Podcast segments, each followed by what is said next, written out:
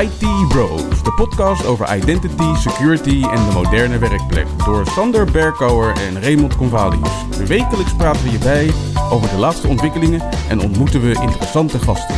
Volg onze podcast op Spotify of iTunes en stel je vragen op Twitter, ITBrosNL. Ik ben Raymond Convalius. En mijn naam is Sander Berkouwer. Welkom bij aflevering 19 van seizoen 3 van de IT Bros podcast. Met in deze aflevering het meest recente nieuws. Een interview met Matthijs Hoekstra. De aankomende evenementen voor volgende week. En een nieuwe productiviteitstip van Ray.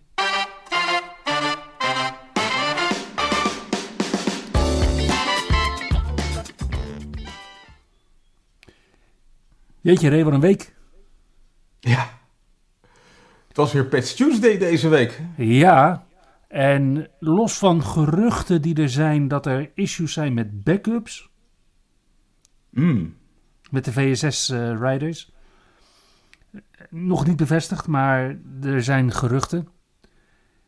Lijkt het toch wel mee te vallen. Kijk, we hadden natuurlijk ook nog die, die pack signatures in Kerberos op de main controllers. Mhm. Die per april zouden gaan gelden, maar die zijn verplaatst naar juni. Oké. Dus daar hebben we twee weken misschien wel respijt gekregen op wat grotere problemen. Maar voor de rest heeft Microsoft op deze Patch Tuesday voornamelijk kwetsbaarheden geadresseerd. En dan hebben we het over 38 kwetsbaarheden, waarvan er drie al actief misbruikt werden. En dan hebben we het over 7E2023-29336. En dat is een Win32K Elevation of Privilege kwetsbaarheid. 7E2023-24932. Een Secure Boot Feature Bypass kwetsbaarheid. En het gaat om 7E2023-29326. En dat is een Windows Olé, oftewel Object Linking en Embedding Remote Code Execution kwetsbaarheid. Gaan we dan kijken naar de kwetsbaarheden, dan zien we zes kritieke kwetsbaarheden. En die zijn allemaal in de zwaarste categorie, namelijk Remote Code Execution. Maar we zagen bijvoorbeeld ook acht Elevation of Privilege kwetsbaarheden, vier Security Feature Bypasses, nog zes Remote Code Execution kwetsbaarheden, acht Information Disclosure kwetsbaarheden, vijf Denial of Service kwetsbaarheden en één Spoofing kwetsbaarheid. Nou, in Edge 113, maar daar het dadelijk denk ik nog over, werden er ook nog 11 kwetsbaarheden geadresseerd. Maar als je dan gaat kijken naar die 38 kwetsbaarheden, dan vallen er toch wel twee mij op. En de eerste is een kwetsbaarheid in sysinternals Sysmon. Op systemen waarop een oudere versie van Sysmon is geïnstalleerd, kan een kwaadwillende zijn privileges verhogen naar system. Hm. Ja. En dan hoor je Mark Rusinovich nog praten over confidential computing. Anyway. En de andere die mij in het oog sprong was een LDAP Remote Code Execution kwetsbaarheid. Die luistert naar rugnummer 7E2023 28283. En dat is namelijk een kwetsbaarheid die dus op elke domeincontroller, maar ook elke Windows en Windows Server installaties waarop je Active Directory Lightweight Directory Services hebt draaien, van toepassing is. Nou, behalve die twee viel eigenlijk een andere mij deze week heel erg op. Namelijk CVE 2023-24932. De Secure Mhm. Boot Feature Bypass. Dat is er wel één geweest deze week. Waar toch een hoop reuring over is geweest. Ook omdat het implementeren van de patch schijnt nogal wat risico in zich te dragen. Ja, plus dat jij het hebt over de Security Feature Bypass kwetsbaarheid, maar dit is niet de eerste fix voor die kwetsbaarheid. Nee, dat ook. Maar het, blijkt dus dat het implementeren van de fix hiervoor nogal wat risico in zich draagt. Mhm. Potentieel non-bootable devices worden genoemd zo hier en daar. Zelfs als die apparaten Linux bijvoorbeeld gebruiken. Precies, dit is niet gebonden aan een OS. Is een, eigenlijk is het meer een secure boot dingetje wat across the board, zeg maar multi-OS eh, problemen oplevert. Ja. En het implementeren schijnt ook een multi-stap dingetje te zijn, waarvan ik heb gehoord dat Microsoft van plan is om het installatieproces te vereenvoudigen in de nabije toekomst. Daarnaast heb ik ook begrepen dat weliswaar is de fix uit, maar wordt die nog niet zeg maar enforced om te implementeren de komende tijd. Juist Ja. vanwege ja, het risico dat de implementatie hiervan nog een beetje misgaat. Aan de andere kant is er dus wel eentje om zeker rekening mee te houden, omdat die al actief misbruikt wordt. Ja. Dus het is best een lastige. Ja, en hij blijft dus vooralsnog in je lijstje staan met optionele updates. Ja. Ja, en hoe Microsoft het voor elkaar krijgt om zo'n multistap update dan in één klap uit te rollen in plaats van als een multistap update. Blijft me een raadsel. Ja. Maar goed, het is niet alleen de informatiebeveiliging wat de klok slaat. Want met de maandelijkse updates heeft Microsoft ook functionaliteit toegevoegd. En Mhm. eventuele fouten die er nog in Windows zaten, je raadt het niet, geadresseerd. En dat leidt er bijvoorbeeld in Windows 11 22H2 toe dat we in beeld 22.6.21.1635 hebben we het dan over, als je die patch installeert, dat we nu een fix hebben voor de ehm, Labs Race Condition, waardoor, L6, sorry, waardoor LSA 6 instabiel kan worden. Dat we nu een eh, schakelaar hebben in de Windows Update om de laatste updates prioriteit te geven. En dat als Edge in Internet Explorer mode draait, dat de pop-ups nu ook daadwerkelijk voor het scherm verschijnen in plaats van erachter. Nou, diezelfde fixes zie je eigenlijk ook voor Windows 10 22H2 en voor Windows 10 1809. Dat zijn nog steeds de twee ondersteunde versies van Windows 10. Mhm. Alleen op Windows 10 22H2, en dan hebben we het dus over versie 19.045.2965, zien we ook dat er verse iconen zijn voor applicaties van mobiele aanbieders. En Oh. dat we nu, als je de taal van je Microsoft-account wijzigt, dat je dat ook kunt laten zinken naar je Windows-installaties. Dus wel zo handig als jij verhuist vanuit Nederland naar ergens anders, dat je dan inderdaad dus ook je taal en je regio mee kunt laten zinken op al je apparaten. Nice. Als we dan kijken naar Windows Server 2022, dan zien we dat de update van 9 mei het besturingssysteem brengt naar versie 20.348.1726. En we zien daar dezelfde fixes terug, alleen er is ook nog een fix met betrekking tot de compatibiliteit tussen de Windows Labs en de Legacy Labs. Want ja, daar zitten op Windows Server natuurlijk eh, wat meer dingen achter. We krijgen nu application group rules in de Windows Firewall. Mhm. Er is een fix voor de onverwachte wachtwoordverloopmeldingen die je kunt krijgen als je een account en smartcard required for interactive logon configureert en enable rolling of expired NTLM secrets. Wie had dat gedacht? Zo. Vervolgens waren er wat fixes met Windows Defender Application Control regels. En zijn er twee issues in ADFS aangepakt. Die niet daadwerkelijk heel erg irritant waren. Maar als jij het gevoel hebt dat je voor ADFS soms meerdere keren moet aanmelden. Dan is deze update eh, voor jou, Ray. Ja. En als je af en toe zit te hannissen met set-ADFS certificate. Omdat je allerlei obscure rechten op de DKM container hebt gezet. Dan zie je dat je daar nu een echte foutmelding voor krijgt. Want hij checkt die rechten nu. Cool. Ja, Edge 113, je noemde het al even. Die is op 5 mei uitgekomen. Mhm. En daar zitten nu onder andere verbeteringen in de Enhanced Security Mode. Dat is voor wanneer je zo nu en dan gebruik maakt van wat ze noemen unfamiliar sites. Dus websites die dus potentieel eh, schade kunnen toe- toe- toebrengen. Eigenlijk elke website. Ja, precies. Ja, dus eigenlijk elke website die gebruik maakt van een advertentienetwerk voor inkomsten. Ja. en dat is iedere website ongeveer. Dat is zo'n beetje iedere website. Ja. Ja. Nou, verder is er een ja, toch wel redelijk belangrijke wijziging voor macOS doorgevoerd. Namelijk, Microsoft is voor het updaten van Edge overgeschakeld van het proces auto-update naar het proces Edge Updater. Dus mogelijk heeft dat gevolgen voor je beveiligingsinstellingen van je macOS-machine. Daarnaast is de updated Microsoft Root Store policy doorgevoerd. En dit is potentieel wel een dingetje, omdat dus waar Edge van oudsher gewoon leunt op de Certificate Root Store van het OS, Mhm. brengt Edge nu voortaan zijn eigen Certificate Root Store mee. Ja, en als jij zegt eigen, bedoel je eigenlijk aanvullende. Mm, Ik denk dat er deels gewoon een overlap in zit. Mhm. Maar wat Microsoft hier wel mee bereikt, is dat daar waar je Edge echt mee kan brengen op het OS, Mhm.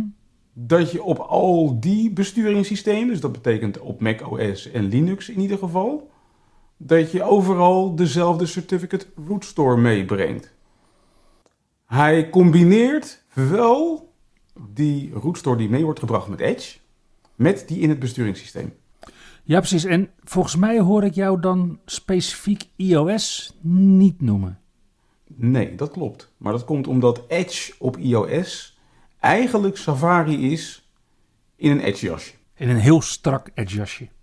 Yep. Waar in de binnenzak geen ruimte is voor een aanvullende root certificate store. Niet bepaald, nee. Nee, zo'n zo'n keurig op maat gesneden maatpak. Helaas. Precies.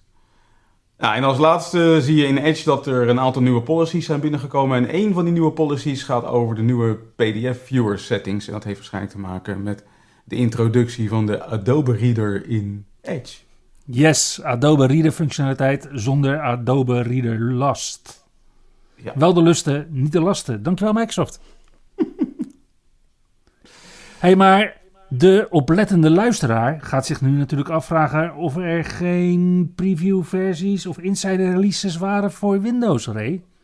Nou, er was op Windows 11 gebied heel weinig. Er kwam een beta-release uit in de vorm van 22.621.1755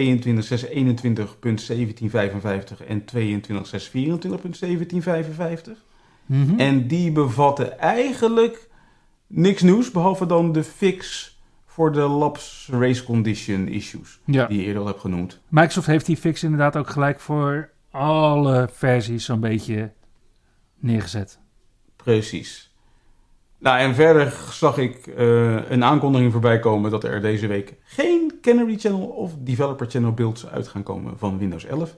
Dus we zijn ook niet te vroeg, of hoe je het wil noemen, te laat met het opnemen van deze podcast. Want deze week komt er gewoon niks. Maar dat heeft misschien ook te maken met de grote aankondiging die ze nu wel gaan doen voor de volgende Windows Insider releases. Tenminste, daar heb je hem weer, Mark Zinovich. Ja, ja, ja. Mark Krasinovic gaf eigenlijk aan dat het nieuws wat wij vorige week brachten van Dwizzle, Mhm. remember? David Weston. Precies. Dat dat waarheid gaat worden in de volgende Canary Channel release. En daarmee geven we aan dat de rewrite van de kernel in Rust nu echt vorm gaat krijgen. Dus ik denk dat ze bij Microsoft heel druk zijn met het herschrijven en testen van de kernel die nu is herschreven in Rust. En als die testen zijn voltooid, dan zullen we waarschijnlijk een nieuwe Canary Channel build gaan zien. Ja, en Ray, kan jij je nog herinneren de laatste keer dat de kernel werd herschreven? Moet je eerlijk zeggen dat me dat niet helemaal bijstaat. Het is ook al echt een lange tijd geleden, maar eigenlijk is de NT-kernel, dat was de New Technology kernel. Ja. Dan praat je wel over heel lang geleden. Ja, ja, ja, ja, ja. Maar Windows 95 en 98 eh, en Windows Millennium Edition, laten we die vooral niet vergeten, waren natuurlijk echt oude meuk als je het beschouwt qua kernel. En toen kregen we daar ineens Windows XP met zijn NT-gebaseerde kernel. En daar zijn we sindsdien ehm, ja, eigenlijk alleen maar aan het voortborduren. Ja.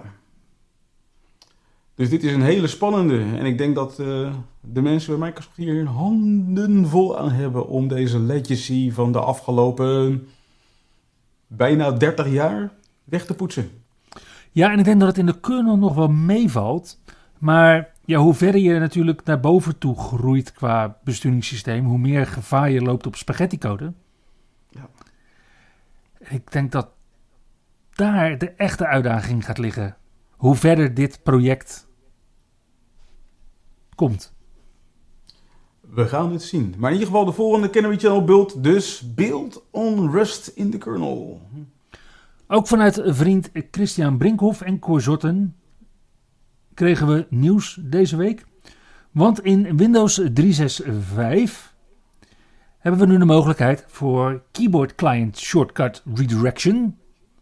Waardoor we nu dus bijvoorbeeld ook Alt-Tab kunnen gebruiken in Windows 365. En daarnaast is er ook Location Redirection. Dus als jouw apparaat ergens staat en het is heel ergens anders dan het datacenter, dan krijg je toch gewoon Bing in jouw plaatselijke taal en regio. Ja, nice. Ondertussen is Microsoft ook bezig om de Windows Server Container Images kleiner te krijgen. Mhm. En dat doen ze onder andere door bestanden uit de servicing layer weg te laten, onnodige taken te disabelen en niet-essentiële logbestanden weg te halen uit dat image. Ze zijn nog niet klaar met het kleiner krijgen van het Windows Server Container Image, hebben ze ook aangegeven. Dus binnenkort gaat de Edge browser eruit. Maar goed, het is dus eh, in eerste instantie Edge wat eruit gaat. En Microsoft is aan het kijken of ze wellicht nog meer componenten optioneel kunnen maken in Windows Server. In ieder geval zijn de Windows Server Container Images te downloaden uit de Microsoft Artifact Registry als je daarmee aan de slag wil gaan. Voor eigenaren van zo'n kekke Surface Duo telefoon is er nu een update van het besturingssysteem. Want in mei kwam namelijk de April 2023 Security Update van Android 12L uit. Want afgelopen week kwam namelijk de April 2023 Security Update van Android 12L uit voor de Surface Duo. Is een update die als je die moet installeren maar 25 MB weegt. En dan raad je het al, dan zitten er gewoon geen nieuwe features bij. En het besturingssysteem is dan nu ook versie 2022.827.29. En dat betekent eigenlijk dat Microsoft dus nu, ja eigenlijk vijf maanden na de vorige keer, weer eens een update heeft voor het besturingssysteem van de Surface Duo. Ja, ehm, deze machine, deze telefoon, wordt door vele mensen inmiddels al als eh, abandoned beschouwd. Dus Ja, dat Microsoft er eigenlijk niks meer mee gaat doen. En daar begint ook steeds meer op te lijken. Want de laatste keer dat er nieuwe features aan werden toegevoegd, was alweer december. Ja, dat is nu bijna een half jaar geleden. En het gerucht gaat dat Microsoft voor het einde van het jaar een nieuwe Surface Phone van plan is uit te brengen. En dan met een enkel scherm. Dus dat zou het einde betekenen van dubbelschermige telefoons op Android van Microsoft. maar is dat iets slechts? Geen idee. En zou het, zou het team daar gewoon heel veel tijd aan kwijt zijn momenteel? Om de ervaring op dat toestel echt flitsend te maken. Nou ja, ik denk dat het uitbrengen van zo'n Android-update sowieso relatief veel werk is. Ik heb altijd begrepen dat het best veel werk is voor de fabrikanten om Android te updaten. En dat ze daarom wellicht, ook gezien de ontslagen van eh, niet zo lang geleden, er wellicht gewoon geen capaciteit voor is. Ja. En daar zit je dan met je Surface Duo. Kijk, kijk, laten we wel wezen. Het ding is natuurlijk nooit verkocht officieel hè, in Nederland. In Nederland niet, nee. Maar ja, wat er ook niet verkocht gaat worden in Nederland is de Pixel Fold van Google. Oh, Google komt namelijk ook met een dubbelschermige Android-telefoon. En die hebben ze pas aangekondigd. Die wordt in eerste instantie trouwens niet verkocht in Nederland, maar wel in Duitsland bijvoorbeeld. oké. En daar gaat die 1899 euro kosten. En wat je dan krijgt is een toestel met ook twee schermen, maar die lopen dan vloeiend in elkaar over met een hele lichte vouw in het midden. Maar het beeld loopt eigenlijk gewoon door. En als je hem hebt opengeklapt, dan heb je een 7,6 inch tablet eigenlijk. En als je hem dichtklapt, dan heb je een hele dikke telefoon met een scherm van 5,8 inch. Nou, die schermen zijn allebei 120 hertz, dus eh, ja, vloeiende beelden zijn wel gegarandeerd. En die Pixel Fold gaat beschikken over dezelfde Tensor 2 SoC, die je ook terugvindt in de Pixel 7 Pro en de Pixel 7 die vorig jaar zijn uitgebracht. Nou, die machine beschikt over 12 gigram. Je kan kiezen tussen 256 of 512 gig opslaggeheugen. Er zit een accu in van 4800 mAh en daarmee schijnt hij het twee dagen vol te kunnen houden. En Hij beschikt, schrik niet, over vijf camera's. En die vijf camera's bestaan onder andere uit een 48 megapixel standaardlens, een 10,8 megapixel groothoedlens en een telelens met 5 keer zoom. Ook van 10,8 megapixel. Ja, en daar bleef het eigenlijk niet bij, want ik zag ook een nieuwe Pixel 7a. En dit toestel is wat schappelijker geprijsd dan de Pixel Fold. Ehm, maar hij heeft ook wat andere hardware specificaties. Ze hebben het over een 6,1 inch OLED-scherm met 90 hertz verversingssnelheid. Een 4385 mAh accu. Ja, weet je, en dan mis je er toch echt 415 ten opzichte van die Fold. 8 gigram en 128 gig opslag, waarmee het, ja, min of meer een beetje een middenmoot qua telefoon wordt. Ja. Nou ja, het is een beetje een, eh, ja, het is gewoon de goedkoopste Pixel. De 7. Je had al de Pixel 7, de Pixel 7 Pro en dan heb je nu de Pixel 7a. En volgens mij is die Pixel 7a de goedkoopste. Ja, en het is een beetje een dingetje hè, bij Google, want het lijkt wel alsof ze daar zich nu op gaan richten. Want ook Gmail, eh, toch de goedkoopste zakelijke e-mailoplossing die je kunt hebben, gaat weer een stukje richting de bodem. Want Google heeft namelijk de intentie uitgesproken om advertenties met mail te gaan mengen. Dus waar je normaal gesproken allerlei advertenties rondom je e-mailberichten hebt, hoe vervelend je dat er ook kan vinden, krijg je nu tekstadvertenties vermomd tussen de berichten. Ja. Ja, het enige waar je nog aan kan zien straks dat het een uh, advertentie is, dat er een, ergens een, een ad-labeltje tussen wordt gefrommeld. Ja, heel klein, heel licht. Ja. Nog niet iedereen krijgt trouwens die uh, advertenties tussen de mail. Als jij gebruik maakt van alleen de hoofdinbox in Gmail, dan krijg je die advertenties voorlopig nog niet tussen je mail. En als je de categorieën hebt uitgeschakeld van Gmail, dan krijg je ze ook nog niet voorgeschoteld. Dus, dus vrijwel iedereen gaat ze krijgen. Ja. Wat gelukkig ook niet iedereen heeft gekregen, is bericht van Western Digital. Ja, die waren gehackt begin april. En dat was ook wel duidelijk, want eh, de MyCloud-dienst is toen eh, geruime tijd uit de lucht geweest. Mm -hmm. En de webwinkel is volgens mij nog steeds uit de lucht. En dat heeft ermee te maken dat Western Digital ja, gehackt is. Waarbij klantnamen, factureringsgegevens, verzendadressen, e-mailadressen, telefoonnummers, etc. zouden zijn gestolen. En dat geldt ook voor versleutelde wachtwoorden en deels versleutelde creditcardgegevens. Degene die die gegevens in handen heeft, probeert Western Digital hiermee uiteraard af te persen. Het is niet duidelijk. Voor, voor, vooralsnog, vooralsnog, voordat hij zich inderdaad uh, tot de klanten van Western Digital gaat richten? Inderdaad. Dus heeft Western Digital zich maar alvast tot haar klanten gericht met een e-mail. Om ze te melden dat dit aan de hand is en dat ze moeten uitkijken voor ja, mails van wellicht partijen die niet niks te maken hebben met Western Digital. In ieder geval, de MyCloud-dienst doet het inmiddels weer. De webwinkel zegt Western Digital gaat binnenkort weer online komen. En ondertussen probeert men de schade beperkt te houden. Maar deze kwestie zal ongetwijfeld nog worden vervolgd.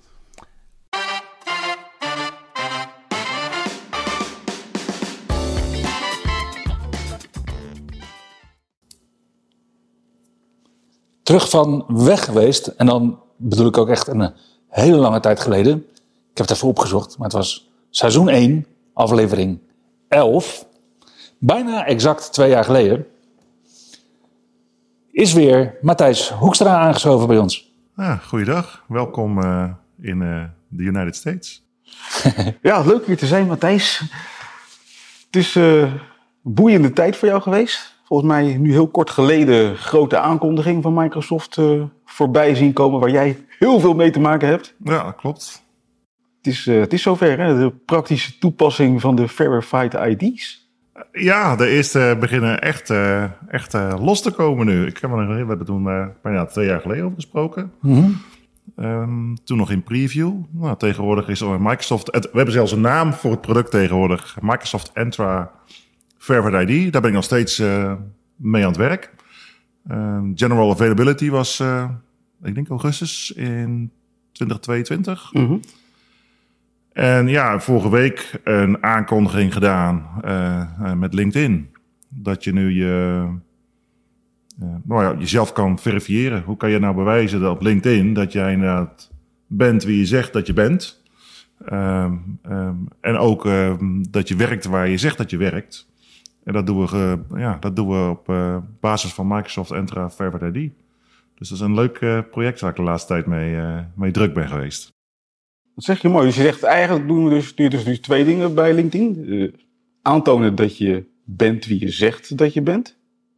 En aantonen dat je werkzaam bent voor het bedrijf waarvoor je zegt werkzaam te zijn. Ja, ja, LinkedIn heeft drie dingen aangekondigd. Ehm ehm, ehm, werk-e-mail verificatie. Dus nou ja, dat zijn natuurlijk de dingen van... Je bent, heb je al eerder gezien, van je krijgt een mailtje op je werk. En als je erop klikt, nou ja, dan zul je daar wel werken, want je krijgt daar e-mail.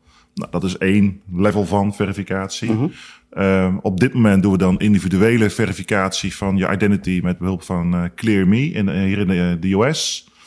Ehm, dat wordt binnenkort gedaan, gebaseerd op Microsoft Entra Verified ID. En dat, gaan we dan ook in de, in, dat gaat dan ook in de rest van de wereld gebeuren. Ehm, maar goed, dan moeten we op zoek naar allemaal eh, identity verification eh, partners. Die dat overal op de wereld kunnen doen. En omdat we dat eh, kunnen doen op basis van Verified ID, is het vrij eenvoudig om dat eh, te integreren. Want ja, je hoeft niet al die verschillende API's en SDK's van, van dat soort partijen te implementeren. Ja, en dan de derde was inderdaad van, ja, kun je bewijzen dat je ergens werkt op basis van Entra Verified ID? En dan moet je je voorstellen dat een, een bedrijf kan eh, bepalen van, nou ja, wie kan zich op deze manier verifiëren. En dat wordt dan zeg maar meer gecontroleerd. En de assurance is eigenlijk hoger van, van die manier van verifiëren dan alleen maar een e-mail. Ja, Ja, het zijn de eerste, de eerste stappen op dat, eh, op dat gebied. Waar ik heel blij mee ben, is dat het helpt ook in het normaliseren van het gebruik van Entra ID. Als je als gebruiker door die flow heen gaat, merk je niet eens dat het gebeurt, dat het zeg maar die technologie is. Nou, dat vind ik altijd goed. Hè? Je, moet, je moet vooral niet eh, ehm, eh, de technologie tegenkomen. Het moet vooral voor je werken. Precies. Uh, maar goed, als techneut eh, denk ik van, nou, oké, ik snap hoe dat werkt onder, eh, onder de koffers. En we kunnen er wel even over praten als je dat willen. Maar eh, ja, ik denk dat het een, goede, een goe- goed voorbeeld is van hoe je deze technologie kan gebruiken voor de juiste dingen, zonder dat je daar een, een eindgebruiker mee in de, in de weg zit. Nou, ik denk dat je nu opeens een manier hebt gevonden om inderdaad aan een leek uit te leggen wat je hebt gebouwd. Ja, ja, Voor die verificatie dat je ergens werkt, zullen bedrijven denk ik ook iets moeten doen op Ja. LinkedIn. ja, dat klopt. Op dit moment, ehm, eh, wat je nodig hebt, is een eh, webapp. Die hebben we eh, op GitHub gezet. Die moet je uitrollen. Die eh, praat tegen jou eh Entra Verified ID-omgeving aan, zodat je zeg maar eh, eh, eh, Verified Employee credentials kan, kan uitdelen. Eh, dat is op dit moment nog een, een webapp. En dat gaan we makkelijker maken in, de- in de toekomst. Maar voor nu is dat zeg maar nog model. En aan de LinkedIn-kant, wat je dan doet, is eh, voor jouw company eh, geef je op wat, nou, wat is jouw identifier van je organisatie. hè? We noemen dat een. eh, we hebben het er nog eens over gehad twee jaar geleden. Je hebt een decentralized identifier als bedrijf. Ehm, eh, voor Microsoft is dat dit web credentials.microsoft.com. Eh, eh, LinkedIn heeft dit web linkedin.com. Ehm, nou, elk bedrijf heeft zijn eigen unieke identifier gekoppeld aan hun private key. Dus die webapp praat tegen jouw Entra Verified ID-omgeving aan, zodat hij een employee credential kan uitdelen. Als bedrijf kunnen aangeven, nou, ik wil alleen maar, ik begin klein, ik wil eens deze 10 mensen dat laten testen. En als het dan goed werkt, dan rollen we dat uit naar de hele organisatie. Dus je hebt daar controle over. En aan LinkedIn-kant eh configureer je identifier en de URL van, de, van die webapp. Ehm, en als je dan aangezet wordt, dan krijgen mensen dus de optie in hun eh, LinkedIn-app om eh, zichzelf te verifiëren. Wat er dan gebeurt, is die webapp wordt ge- geladen in een webview. Je, logt in met je corporate credentials. door de verified ID wordt er eh, aangemaakt. En die wordt eigenlijk opgeslagen in de LinkedIn app als een wallet. De, de LinkedIn app is een wallet geworden voor verifiable credentials. Ja. Oh, oké. En die gebruikt dat dan om, eh, om je employment te, te verifiëren. En er worden natuurlijk allerlei checks gedaan dat, eh, dat, dat, dat het allemaal klopt en, en, en dat er niets mee gebeurt ondertussen. Maar mensen proberen natuurlijk allerlei systemen te, te trucken. Eh, dus daar wordt van heel veel van gedaan. Maar ja, als, als, als gebruiker, je logt in, er zit een spinner, de app komt terug en vraagt, nou, wil je jezelf verifiëren? Ja, nee, ja. En dan eh, klaar. Dat is een goed voorbeeld. Dat is de eerste stap eigenlijk die we doen. Als, ik, als je met de LinkedIn eh lui praat, nou, die hebben er nog een stuk of 20, 30 eh, projecten die ze, die ze op de rit hebben staan om, om dingen te verifiëren. En het voordeel is dat, omdat je een verified ID of verifiable credential kan vertrouwen van een specifieke issuer, dat is het bewijs dat je daar werkt. Ja, dat is een vrij decentraal model. Ja. En natuurlijk, bedrijven gebruiken hopelijk Microsoft Entra Verified ID als platform om dat te doen. Maar dat is helemaal niet per se nodig als jij je eigen platform hebt of van een, van een andere bedrijf. Zolang die eh, dezelfde standaarden implementeren, kun je die verificatie ook doen. Dus het is eigenlijk eh, hoe we er tegenaan kijken. Het is, het is verifiëren gebaseerd op open standaarden. Dus het is niet een Microsoft trucje. We hebben een platform ervoor en uiteraard werkt LinkedIn samen met Microsoft om dat als eerste te doen. Ja. Maar het is niet uitsluitend voor, voor Microsoft. Het is ook niet uitsluitend voor bedrijven die Azure Active Directory hebben. Eh, we hebben de verschillende die we aansluiten op het moment die, eh, die, die andere providers gebruiken, zoals eh, Okta of Ping of eh nee, een custom ding. Ja, dat werkt ook. LinkedIn maakt het niet uit. Zolang die verified eh, credential er maar is met, de juiste, met het juiste formaat, met de juiste claims, kunnen zij die verificatie doen. Ja, ik heb hier al een lange tijd naar uitgekeken. Want ik werk dan bij een organisatie die, ik ga maar gewoon gelijk als voorbeeld gebruiken, die op LinkedIn niet heel erg uniek blijkt te zijn. Er blijkt namelijk ook in Egypte een eh, havenautoriteit te zijn met dezelfde naam. Oeh. En dat betekent dus dat ik op LinkedIn heb ik heel veel Egyptische collega's. Die heb ik helemaal niet. Maar die kiezen dan inderdaad de verkeerde organisatie. En met dit soort dingen kun je dat soort dingen dus gaan splitsen. Ja, we krijgen die vraag natuurlijk wel veel van, ja, waarom zou ik dit nou willen doen? Dat is één voorbeeld van. Ja. Je kunt, je, je kunt je zo, dat, ervoor zorgen dat, nou ja, de, de verwarring, maar ook inderdaad, ehm, je kan erop vertrouwen dat de personen waar je mee communiceert op LinkedIn inderdaad zijn wie ze zeggen dat ze zijn en werken voor het bedrijf. Met recruitment is dat natuurlijk wel relevant. Ehm, dus de, ja, blij, ik bedoel, ik, je leert zoveel als je met dat soort bedrijven werkt. Hè? Dat, is altijd, le- dat is het mooie van ons vak, denk ik. Hè? Als je met verschillende bedrijven werkt, dat je denkt van... oh, ik wist niet dat dat problemen bestonden. Blijkbaar liegen mensen over waar ze werken. Ja. Ja, wie, zou, ja, wie wist dat? Ja, Hè? dat verwacht je niet. Eh, dus dat is natuurlijk, eh, je, je maakt je netwerk, eh, nou, vanuit LinkedIn gezien natuurlijk eh, betrouwbaarder, maar ook voor de personen die zitten. En vooral in de consultancywereld is natuurlijk wel van, joh, Ja. ben ik inderdaad, eh, kan ik die persoon vertrouwen? Is inderdaad die persoon die wat die zegt dat die is? Werkt hij daar inderdaad? Ehm, uiteraard wil je nog veel meer dingen gaan verifiëren in de toekomst, maar dat is een van, ja, van de voordeel dat je je netwerk gewoon betrouwbaarder wordt, zowel ook voor recruitment Ja, als je mensen wil vinden, ja, kun je inderdaad wel eh, de, juiste personen aanschrijven, zeg maar. Maar ook als jij met een recruiter communiceert, is het inderdaad een, eh, een recruiter die je kan vertrouwen.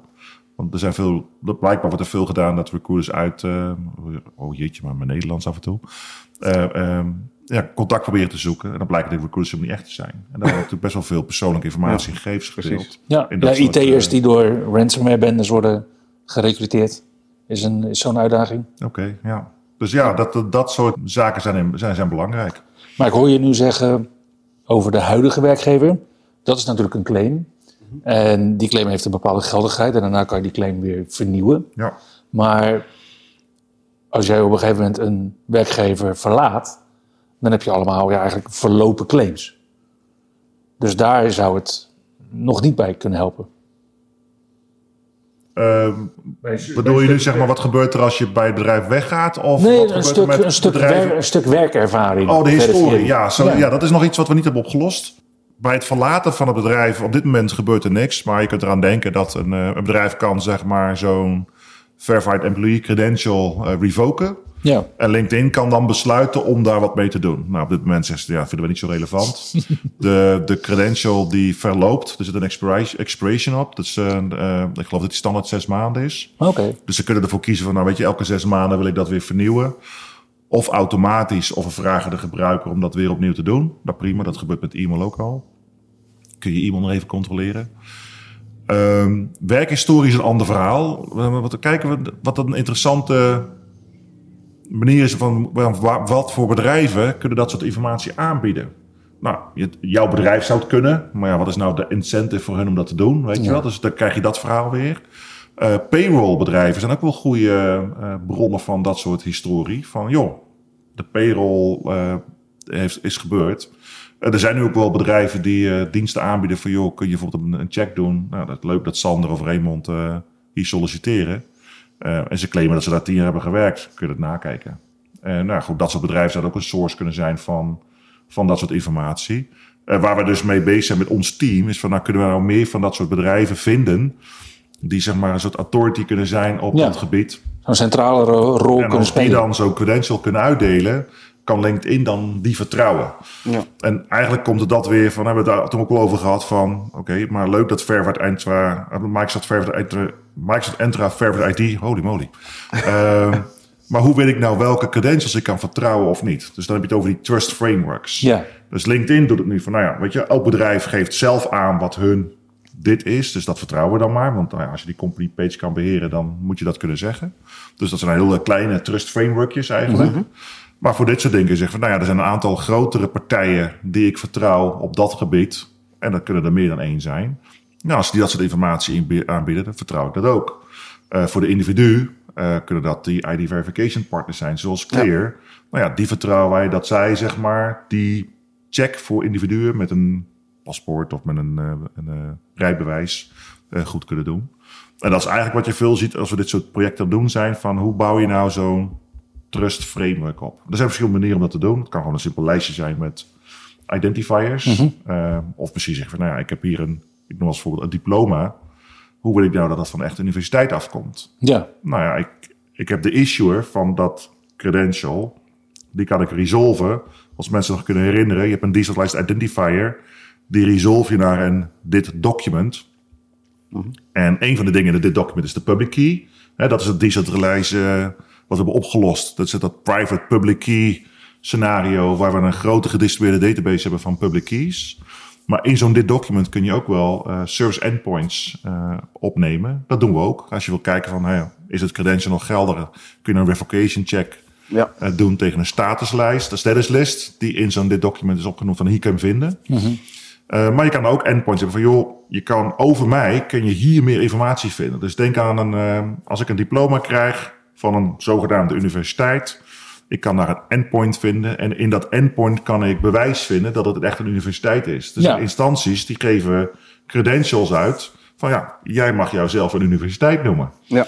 Ehm. Zoals vroeger met de Certificate Verification List, de CRUL Ja, en ehm, Ja. OCSP bijvoorbeeld. Ja. Ja. en dan in plaats van dat er zeg maar één of twee entiteiten bovenaan met eh, eh, eh, mannen met een koffertje aan een eh, arm achter Ja. elkaar komen om Even met smartcards te vogelen. Ja. Hoef je dat nu niet centraal te doen. Ik kan het decentraal doen. Maar ik kan er wel denken van, nou ja, er zijn bedrijven die dat soort bewijzen uitgeven aan universiteiten. Nou ja, misschien ga ik die checken.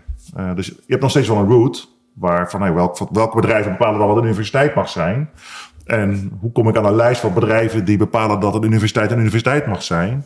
En hoe kan ik die lijst daar goed, weet je wel? Het, het, moet, wel er- het moet ergens beginnen. Ja, moet ergens Maar hoe je erachter komt hebben, of ja. dat kan, ja, daar kun je op verschillende manieren dus naar gaan kijken. Yep. Dat is wel, maar goed, we staan aan het begin van dat hoor. Maar dat zijn wel dingen die nu beginnen. Ja, want een van de dingen die bijvoorbeeld nu bij mij in mijn hoofd opborrelen is van... Ja, die Microsoft-certificeringen. Dat zou natuurlijk ook gewoon zo kunnen.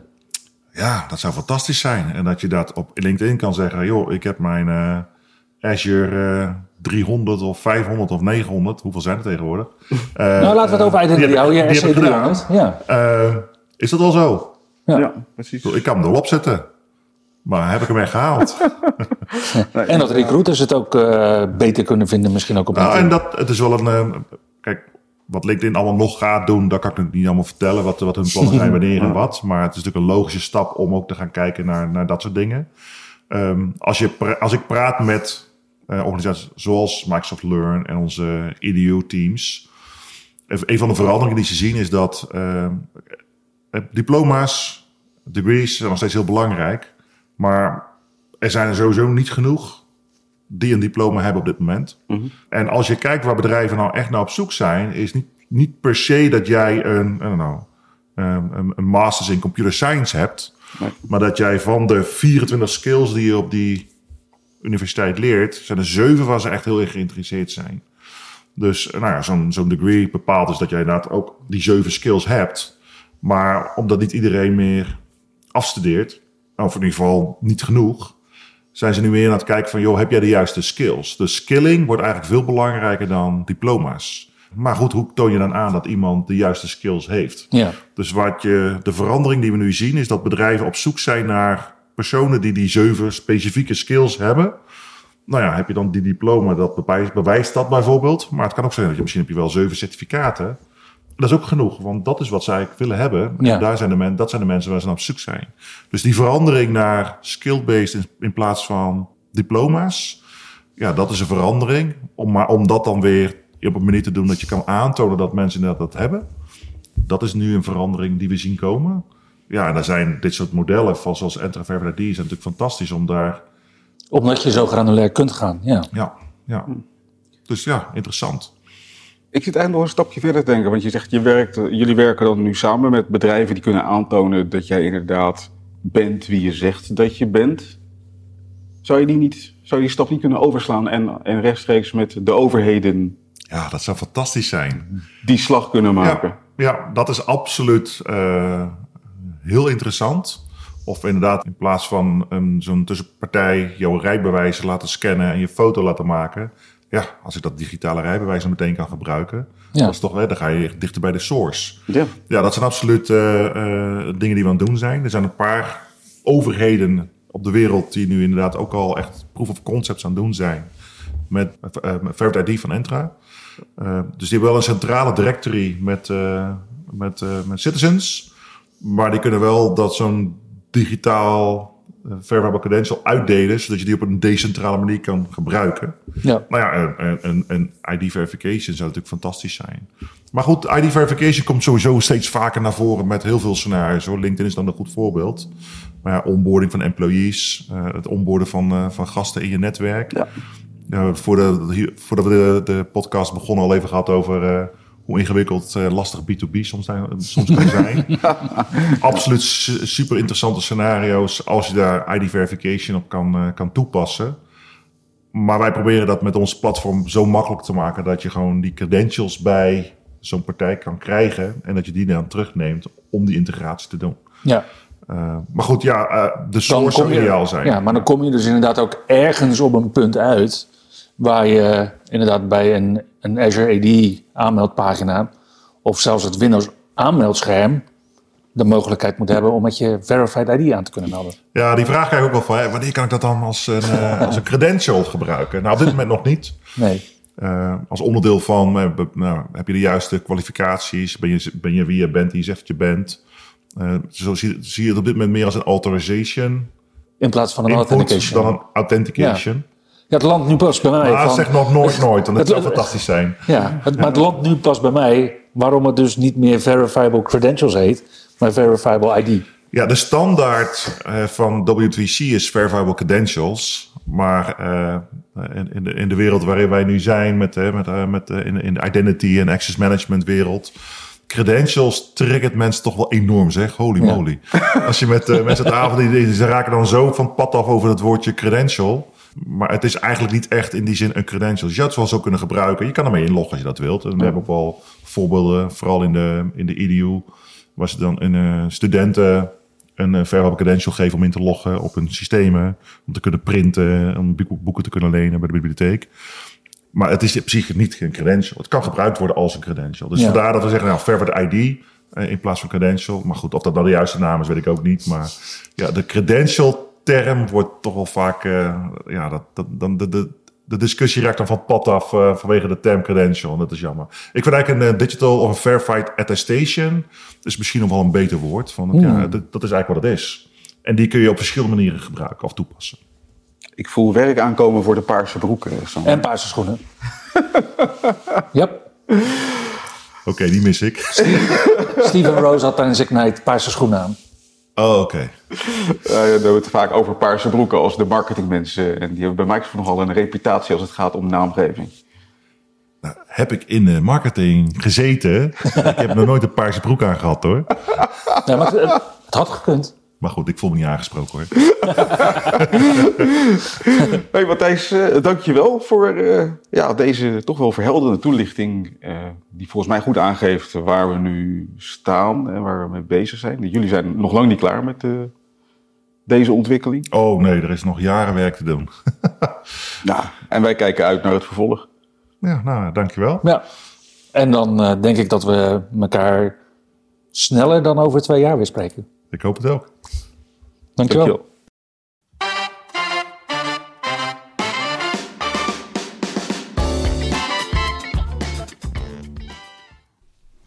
Volgende week is een week met een feestdag op een donderdag, waardoor we weinig evenementen zien.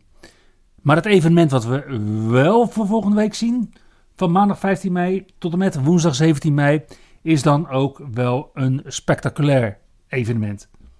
Ik heb eh, meerdere jaren achter elkaar onderdeel mogen uitmaken van Techorama Belgium. En in tegenstelling tot Techorama Netherlands is dit ook niet alleen een ontwikkelaarsfeestje, maar ook een IT Pro feestje. En dat zie je bijvoorbeeld op de sessies die je op dinsdag en woensdag kunt volgen. Waarbij ja, toch wel hele fijne sessietitels voorbij komen als Preparing Your Environment for Cyberwar door Sammy Laiho bijvoorbeeld. Manage Identity for Hackers and Developers door Sergej Chubarov. Die kennen wij nog uit Bonn, eh Ray. Hacker versus Azure Web Application Firewall door Laura Coccarine. Application Management in Intune, maar dan met DevOps met Mikko Kollenberg. En dan zien we ook nog 10 tips om conditional access, je informatiebeveiliging te laten verbeteren. En 10 tips en tricks om je Azure subscriptie verder te beveiligen. Ik heb me laten vertellen dat er nog kaarten te koop zijn voor dit evenement. Wat, en dit is het, het echte, tenminste, dit vind ik het verkoopargument van dit evenement. En als spreker heb ik er echt wel van genoten. Dit evenement vindt dus plaats bij Kinepolis in Antwerpen. Geweldig. Op een podium met een bioscoopscherm achter je. Ja, en vorig jaar was dus eh, Top Gun Maverick, ging in première. En toen hadden ze dus zo'n F-16 buiten op de parkeerplaats staan waar je selfies in kon maken. Het, het is niet alleen, soms gaat het niet alleen over techniek hè mensen. Yeah, right.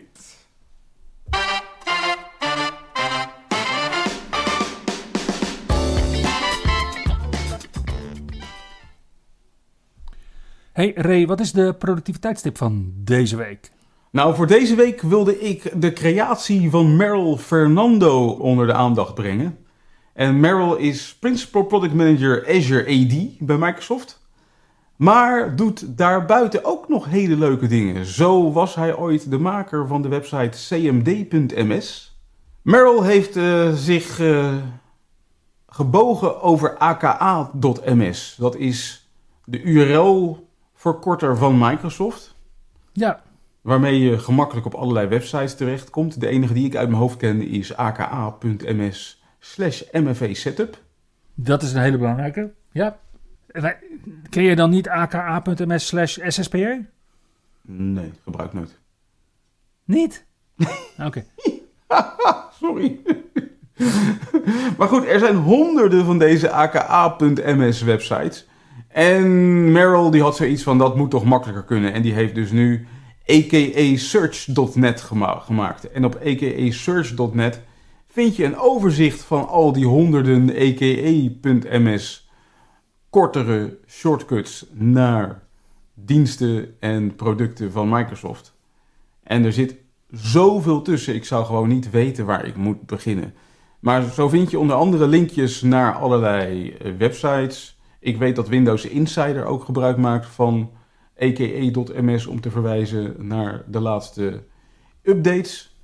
En ja, je kan er heel veel leuke shortcuts in vinden. En dat is nu een hele makkelijke zoekmachine geworden. Dus aka search.net. Als je een eh, snelle, korte link zoekt naar een specifieke webpagina van Microsoft. En staat hij er nou niet tussen, maar weet je wel een hele fijne link, dan kan je hem ook op deze website toevoegen, zodat je anderen daarmee kunt helpen. En daarmee komen we aan het einde van aflevering 19 van seizoen 3 van de IT Bros podcast. Dankjewel voor het luisteren en tot de volgende keer. Tot de volgende keer. Je luisterde naar IT Bros, de wekelijkse podcast over identity, security en de moderne werkplek.